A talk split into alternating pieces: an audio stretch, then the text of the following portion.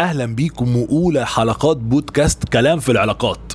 أول موضوع هنتكلم فيه مع بعض النهارده هو حبال الهوى. حبال الهوى هو عنوان فصل من فصول كتابي الأول إلزم حدودك. بنقول فيه من قبل ما تتولد أو من قبل ما نتولد وإحنا علاقتنا باللي حوالينا عاملة زي الحبال. من أول علاقتنا بربنا اللي بتمثل حبل النجاة والسعادة وأن المتمسك بحبل الله المتين هو من الفائزين. للحبل السري اللي كان بيربطك بأمك قبل ولادتك هو علاقة بتمدك بالحياة والغذاء والطمأنينة. ولكن زي ما في حبال بتحمينا وتقوينا وتنجينا وقت اللزوم في كمان حبال تانية بتمثل لنا الأذى والألم والغش والهلاك. في علاقة في شكل حبل يتلف حوالين رقبتك ويخنقك. ويا سلام بقى لو انت بسذاجة وحسن نية انت اللي لفيته حوالين رقبتك. وفي كمان علاقتنا بالناس اللي مدينا ليهم حبال الوصل بالعطاء المجاني والتنازلات المستمرة. ومع الوقت اتحولت لفرض وأمر واقع واجب النفاذ تحت أي ظرف وبأي شكل ومهما كان التمن. وفي علاقة على شكل حبل يكتفك ويشل حركتك. وتحس إنك عاجز ضعيف قليل الحيلة من كتر النقد واللوم والتأنيب والإهمال والشعور الدائم بالوحدة. ولا أنت عارف تخرج براها ولا قادر تتحمل تكتفتك دي ولا في حد بيساعدك تفكها. وفي علاقة في شكل حبل دايب شكله حلو صحيح يشد العين لكنه دايب والمتعلق بيه خسران وهيقع على جدور رقبته من غير ما ياخد باله ولا يعمل حسابه. لأنه اتخدع في شكله الجذاب وما ركزش في هشاشته اللي لا تسند ولا تشد لفوق.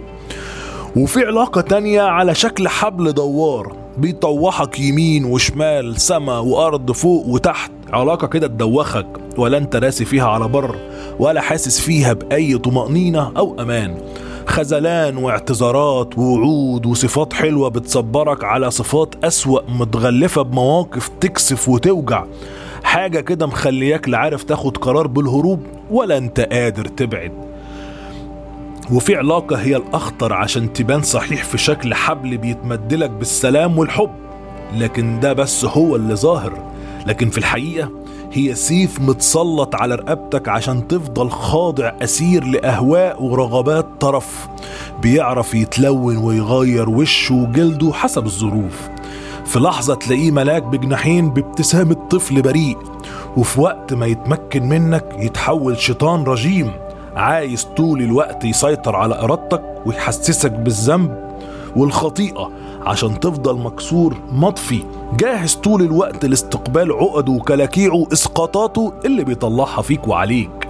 الخلاصة ركز كويس وفتح عينيك وانت بتمسك في حبل أي علاقة جديدة. وتأنى وانت بتجرب تلف الحبل حوالين منك. ظبط مسافاتك وارسم حدودك بوضوح. اتأكد من متانة الحبل وقدرته على الصمود وتحمل المسؤولية. بلاش تغرك المظاهر والألوان البراقة. بلاش تسرق عينيك الحركات والشقلباظات اللي تسحر وتغفل. الساحر مش بيحول الحبل لتعبان بجد. لكنها خدعة وحيلة متقنة لإبهارك وشد عينيك. ولاعب الأكروبات مش متعلق في الهواء إلا بحبل مخفي بعناية عشان عينيك ما تلاحظوش.